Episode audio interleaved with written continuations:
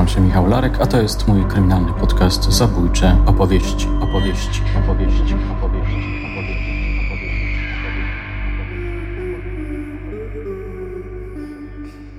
Czarna msza w Jarocinie.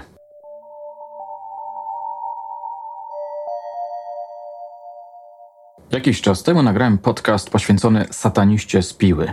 Rzecz miała miejsce pod koniec lat 90. Pewien młodzieniec postanowił popełnić rytualne samobójstwo, przejść przez bramę ognia i tym samym stać się silnym, złym człowiekiem. Tak to przynajmniej podawały media. Pamiętacie? Urządził spotkanie pożegnalne z przyjaciółmi, podczas popijawy wręczył im podarki, między innymi pakt z diabłem, potem dyskretnie poszedł do innego pokoju i zabił matkę. Kiedy przyjaciele wyszli, rozlał benzynę, odkręcił wszystkie kurki kuchenki gazowej, pod drzwi podłożył ręczniki. Nie dopełnił jednak rytuału. Uciekł. Odcinek kończył się króciutką wzmianką o czarnej mszy, odprawionej 1 sierpnia 1986 roku przy cmentarzu parafialnym w Jarocinie. Według autora cytowanego tam tekstu miała być ona następstwem koncertu, na którym wokalista grupy Test Phobie Creon połamał krzyż. Wyobraźcie sobie, że po publikacji odezwała się do mnie znajoma, mówiąc, że jej mama wraz z kolegą natknęła się na pozostałości po tym makabrycznym rytuale. Po rozmowie z nią postanowiłem nagrać podcast, który byłby rekonstrukcją tego kryminalnego zdarzenia. Moje drogie, moi drodzy, posłuchajcie.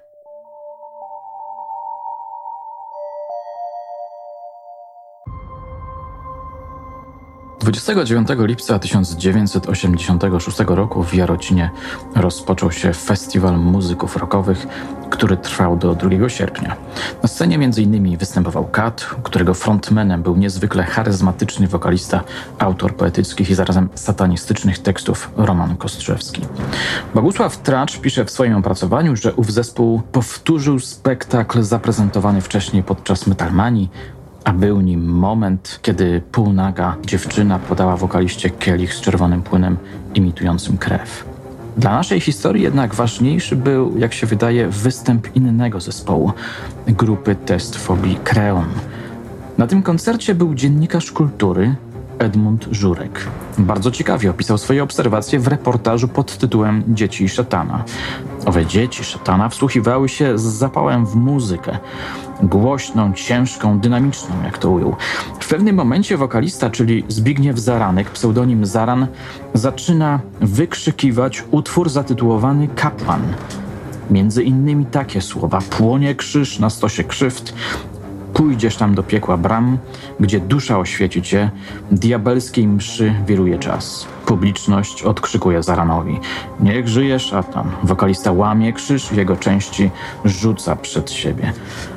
Pobudzeni solidną dawką metalowej muzyki, diabelskiej liryki, sataniści, jakich określił dziennikarz, postanawiają odprawić czarną mszę. Jest 1 sierpnia, godzina około 23. Młodzież, jakieś 20 parę osób, spotkała się przy samolocie nieopodal szkoły i odbyła naradę. Przewodziło jej dwóch chłopców, 17-letni Tomasz J. ze Szczecina oraz 21-letni Wojciech J. ksywa ojciec z Polichna. Tomek miał już pewne doświadczenie w tego typu rytuałach. Przewodniczył w czarnej mszy w szczecińskiej wieży Bismarck w czerwcu tego roku. W związku z tym postanowił, że będzie pełnił funkcję kapłana. Zebrani dzielą się na dwie grupy. Jedna chwyta zwierzę na ofiarę, druga przygotowuje ołtarz. Młodzież przysięga kapłanowi bezwzględne posłuszeństwo, które zostaje przypieczętowane braterstwem krwi. Ruszają na cmentarz parafialny. Po wejściu na teren cmentarza wyciągają trumnę z kaplicy grobowej, po czym przenoszą ją do pobliskiego lasu. Na koziołkach stawiają trumny, na trumnie znicze w ziemię wbijają odwrócone krzyże. Stają wokół trumny, kilkanaście minut przed północą rozpoczynają mszę. Tomek, czyli kapłan, rozbiera się do połowy, zakłada czarną pelerynę, wypowiada magiczne formuły. Wojtek, ofiarnik, przytrzymuje psa skrępowanego skradzioną stułą z kościoła. Około północy, gdy nadchodzi kulminacyjny moment mszy, czyli złożenie ofiary, Wojciech próbuje przebić nożem brzuch psa. Pies chwili. Ofiarnik sięga do kieszeni po scyzoryk, rozpruwając zwierzęciu brzuch. wyjmuje wnętrzności razem z sercem, które przekazuje Tomaszowi. Ten rzuca sercem o trumnę, mówiąc ofiara została spełniona, Ave Imperator Hades. Helena Kowalik opisała tę scenę bardzo sugestywnie. Pozwolę sobie zacytować fragment. Wrzuconym na ziemię worku szamotał się skomląc porwany z ulicy pies. Jot zirytowany przerwał modły i zacisnął zwierzęciu na szyi stułę skradzioną z konfesjonału. Pies harczał, ale nadal żył. Co się tak gapisz? Mianowałem cię ofiarnikiem. Wiesz, co masz robić? Tomasz zwrócił się do kolegi z klasy Wojciecha. Ten wyjął psa z worka, położył go na trumnie, ktoś podał mu długi nóż. Pozostali uczestnicy mszy chwycili się za ręce, krzyknęli Ave Lucifer, salve imperator Hades. Tomasz klęknął, aby bić pokłony, mówiąc chwała Lucyferowi, a na ziemi pokój jego sługom. Chwalimy Cię, wysławiamy Cię. Dzięki Ci składamy, bo wielka jest chwała Twoja. Królu piekieł, zmiłuj się, wysłuchaj nas, albowiem Tyś jest święty, Tyś tylko naszym Panem, Tyś jest najwyższy. Pozostali uczestnicy seansu mamrotali to samo pod nosem. Według reporterki skrwawioną trumnę znaleźli nazajutrz grzybiarze – Według Tracza wieści o tym, co się wydarzyło na jarocińskim cmentarzu szybko dotarły do uczestników festiwalu. Jednocześnie o tym makabrycznym incydencie powzięła informację milicja, która rozpoczęła działania operacyjne. Wylegitymowano oraz zatrzymano do wyjaśnienia około 150 osób, pisze historyk, w większości niepełnoletnich. Byli wśród nich również uczestnicy czarnej mszy ich zeznania pozwoliły zrekonstruować jej przebieg i umożliwiły zatrzymanie sprawców, przeciwko którym prokurator skierował akt oskarżenia do sądu rejonowego w Jarocinie. 2 sierpnia zatrzymano w Jarocinie Wojciecha, a 27 sierpnia w Szczecinie Tomasza.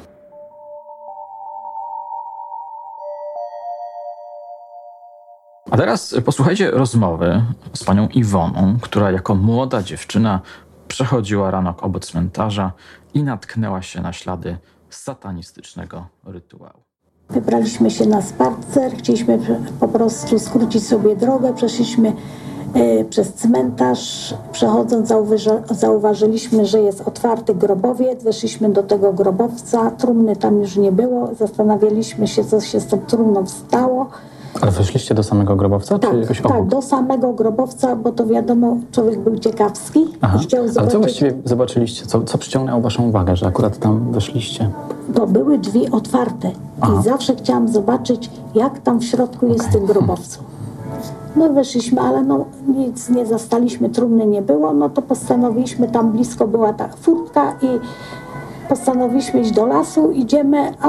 A czekaj, to jeszcze dopytam. Tak? Mm, wy za, za, zajrzeliście tam do środka, tak? zorientowaliście się, że nie ma trumny i to was, dla was było dziwne, czy tej trumny mogło tam nie być? Nie, dziwne było, bo ta tru... ja zawsze jak tam przechodziłam, takie było małe okienko i się zawsze tam zaglądało z tej ciekawości i była ta trumna. Ja pamiętałam tą trumnę. Mhm, okay. Ja ją kojarzyłam, tą trumnę, no ale wtedy tej trumny tam nie było. I co pomyśleliście, albo co poczuliście? Drzwi otwarte, trudne nie ma? Nie, dla mnie to było dziwne, no ale mówię, no nic, idziemy dalej i takie były zarośla. I jeszcze tam zauważyliśmy, że się znicze palą, to jeszcze była większa ciekawość. Poszliśmy, a tam na takich koziołkach z budowy, pewnie przyciągnięte te koziołki były, bo obok była budowa domków jednorodzinnych. Stała metalowa trumna. Na tej trumnie był pies, który został rozcięty cała trumna była w krwi, tak, nie wiem, czy, ta, czy oni tym psem to wymazali, czy z tego psa tak trumna, te jego jelita też tak wisiały na tej trumnie. Aha. Y, była rzucona stuła i krzyże były wbijane odwrotnie do Aha. góry, nie? Ale powbijane do... Do ziemi. Do ziemi. Największy był na środku i dwa były po boku. No i tak obeszliśmy tą trumnę i od razu ktoś Pies żył, czy... Nie, nie, już ten pies nie żył, nie, nie. Ten pies nie żył i mówię, obeszliśmy w koło to i zaraz od razu ktoś nas e, otoczył, jacyś panowie w czarnych garniturach, przedstawili się jako służba bezpieczeństwa z Warszawy i pytali nas się, co tu robimy, czy to, nie wiem, czy pomyśleli, że przyszliśmy tu sprzątać, czy coś, bo mówi, że albo idziemy z nimi, albo nikomu nic nie mówimy i opuszczamy ten teren. Czyli nakazali wam milczeć? Nakazali nam milczeć, nikomu tego nie mówi. Także żeśmy nikomu tego faktycznie nie mówili, nie? No i opuściliśmy to miejsce, już nie poszliśmy na ten spacer, tylko każdy wrócił do domu. No ja bym na waszym miejscu był um, przerażony. Co wy czuliście? Jestem przy cmentarzu, widzę okropny widok, trumnę, jakieś odwrócone krzyże, ten pies, to przerażające Ale już wtedy w Jarocinie się takie różne rzeczy działy. Znaczy Aha. się działy, bo takie różne y, Hare Krishna też były tam, takie różne... y, Już zaczęli ci, którzy przyjeżdżali, niektórzy takie dziwne rzeczy odtwarzali, co u nas w Jarocinie to nie było normalne, nie? Okej, no ale Hare Krishna, a satanizm, To jest też coś innego, to tak, ale zawsze innego. właśnie mówię tak, Coś, coś nowego coś było. nowego było, nie no, ale plotka chodziła po Jarocinie, że ktoś morduje psy, nie? Że ktoś wyłapuje psy, ale ja nie myślałam, że te psy są potrzebne do tego, nie? Przed tym, nimi- przed tym incydentem były Tak, tak. takie pogłoski o Tak. polowaniu na Jeszcze psy. było o kotach, ale tam kota żadnego nie było, nie? Aha. No, tylko ten pies. Pamiętam taki czarny, ten pyszczek tak miał z boku, to wszystko mu tak, te jelita wisiały z boku. Jak ta msza się rozpoczęła ponoć o 23, tam z tyłu, tylko tam był też e, na tym terenie tak dużo chaszcze, tak wszystko było zarośnięte, bo jakby to był teren pusty, może by więcej ludzi widział. I to przez to, że tam odbywały się, nie wiem, czy oni tańczyli, ale to ktoś zauważył z okien, Aha. i zawiadomi, że nad, za cmentarzem coś się dzieje i policja już wiedziała o tym. I nie wiem, gdzie to oni dalej, że te służby, bo tak się ci panowie w tych garniturach przedstawili. Wyciągli legitymację i Służba Bezpieczeństwa z Warszawy. To pamiętam.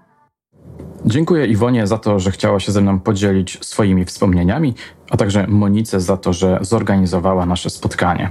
Teraz jeszcze parę słów o tym, co działo się dalej. Posłuchajcie kilku ciekawych fragmentów autorstwa Edmunda Żurka. Wojciech J. wyjaśniał: Msze odprawiamy, żeby pozyskać względy szatana, jego łaskę. Wierzę, że on przyjdzie na ziemię. W religii katolickiej zostałem wychowany nieświadomie. To mój bunt. Tomek J wyjaśniał. Byłem z kolegą w Częstochowie. Przeżyłem wielkie rozczarowanie. Jeszcze potem, po wyjściu z kościoła, jakiś facet przypinał nam krzyżyki i kazał zapłacić. Lucyfer nie jest złem. Jahwe i Lucyfer są każdy inaczej. To nie znaczy źle. Zawsze buntowałem się przeciwko pojęciu bezwzględnego zła. Satanizm może być bardzo łagodnym kultem, prawie solarnym. Nie wierzę w magię. Trzeba było w coś wierzyć. Wokół mnie zawsze byli katolicy albo protestanci. Każdy w coś wierzył. Ten pies musiał być, żeby ich przyciągnąć, żeby zapamiętali, co ja mówię. Oni tego oczekiwali. Obaj, pisze dalej dziennikarz, pochodzą ze środowiska robotniczego. Rodzina Wojtka wyrzekła się go. Rodzice Tomka, pracownicy szczecińskiej stoczni, boleśnie przeżyli aresztowanie syna, korespondowali z nim, przyjeżdżali do Jarocina. Rodzice Tomka są cenieni i szanowani. Wojtek w liście do prokuratora prosił, aby nie powiadamiano nikogo z jego najbliższych o procesie. Obaj ukończyli szkoły podstawowe. Wojtek nie podołał zasadniczej szkole górniczej, jeździł po kraju, często zmieniał zakłady pracy. Tomek opuścił technikum, uczęszczał do liceum dla pracujących. Bardzo czytany, interesuje się historią, psychologią, pisze wiersze. Prokurator Adam Wróblewski. Początkowo głośno przyznawali się do ruchu, imponowało im zainteresowanie prasy, ale w miarę upływu czasu ruch satanistyczny coraz mniej ich obchodził. Wojtek w areszcie wyparł się satanistów. Powiadomił o tym pisemnie prokuratora Wróblewskiego. Tomek napisał w liście do rodziców: Postępuję czasami wbrew swojej woli. Na przykład nie mogłem zdobyć się na wyrzucenie krzyża, choć chciałem, aż wreszcie się przemogłem i to uczyniłem. Nie wiem, co mnie powstrzymywało od tego, ale cieszę się, że się przełamałem. Nic mnie przecież nie łączy z tym krzyżykiem, ani z każdym innym. Widzę, że i ojciec, czyli Wojtek, zmienił się pod tym względem. Może kryminał to takie miejsce, gdzie człowieka wyleczą ze wszystkich ideologicznych rozmyślań. Stałem się aideologiczny i to w stosunkowo krótkim czasie. Czy to nie dziwne? Sąd rejonowy w Jarocinie, pisze dalej Żurek, skazał 20 lutego 1987 roku Wojciecha J. z artykułu 197 paragraf 1 kodeksu karnego. Kto złośliwie przeszkadza pogrzebowi, uroczystościom lub obrzędom żałobnym, albo znieważa zwłoki, prochy ludzkie lub miejsce spoczynku zmarłego, podlega karze pozbawienia wolności do lat trzech i za przestępstwo z artykułu 5 rozporządzenia prezydenta Rzeczpospolitej z 1928 roku o ochronie zwierząt na karę jednego roku i sześciu miesięcy pozbawienia wolności. Tomasza J. z artykułu 197 paragraf 1 kodeksu karnego na rok pozbawienia wolności. Co ciekawe, dziennikarz sprawiał wrażenie zdziwionego, że mieszkańcy Jarocina niespecjalnie się przejęli całą tą sprawą. Najbardziej podnieceni byli chyba przedstawiciele mediów. Dodam jeszcze, że rykoszetem dostał Zbigniew Zaranek. Prokuratura rejonowa w Jarocinie wszczęła śledztwo przeciwko wokaliście metalowej grupy. Nie udało się jednak zebrać dowodów na popełnienie przestępstwa z ówczesnego artykułu 198 kodeksu karnego dotyczącego obrażania uczuć religijnych, znieważania publicznie przedmiotu czci religijnej, które podlegało karze pozbawienia wolności do lat dwóch, ograniczenia wolności albo grzywny. Z tego co wyczytałem w tym artykule, Zbigniew Zaranek miał być praktykującym katolikiem.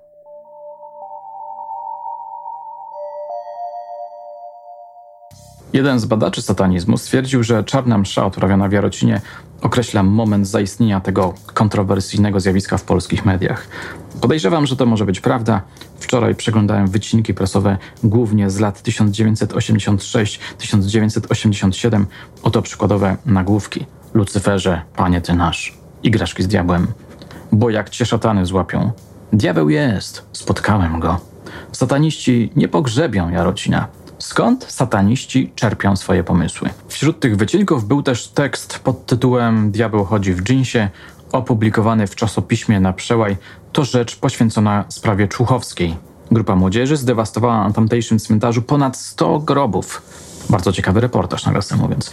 Temat satanistyczny podobno strasznie wtedy, jak to się mówi w żargonie dziennikarskim, zażarł. Niektórzy sugerują, że był to przejaw tzw. Tak satanic pani, która ogarnęła Stany w latach 80. i przeniosła się do PRL-u. Moje drogie, moi drodzy, na dzisiaj to koniec, ale będę jeszcze wracał do diabelskich tematów. Zachęcam gorąco do dzielenia się ze mną swoją wiedzą, przemyśleniami, wspomnieniami, materiałami na ten temat. Piszcie śmiało, będę Wam bardzo wdzięczny. Na dzisiaj to wszystko. Dziękuję za uwagę. Do usłyszenia już niebawem.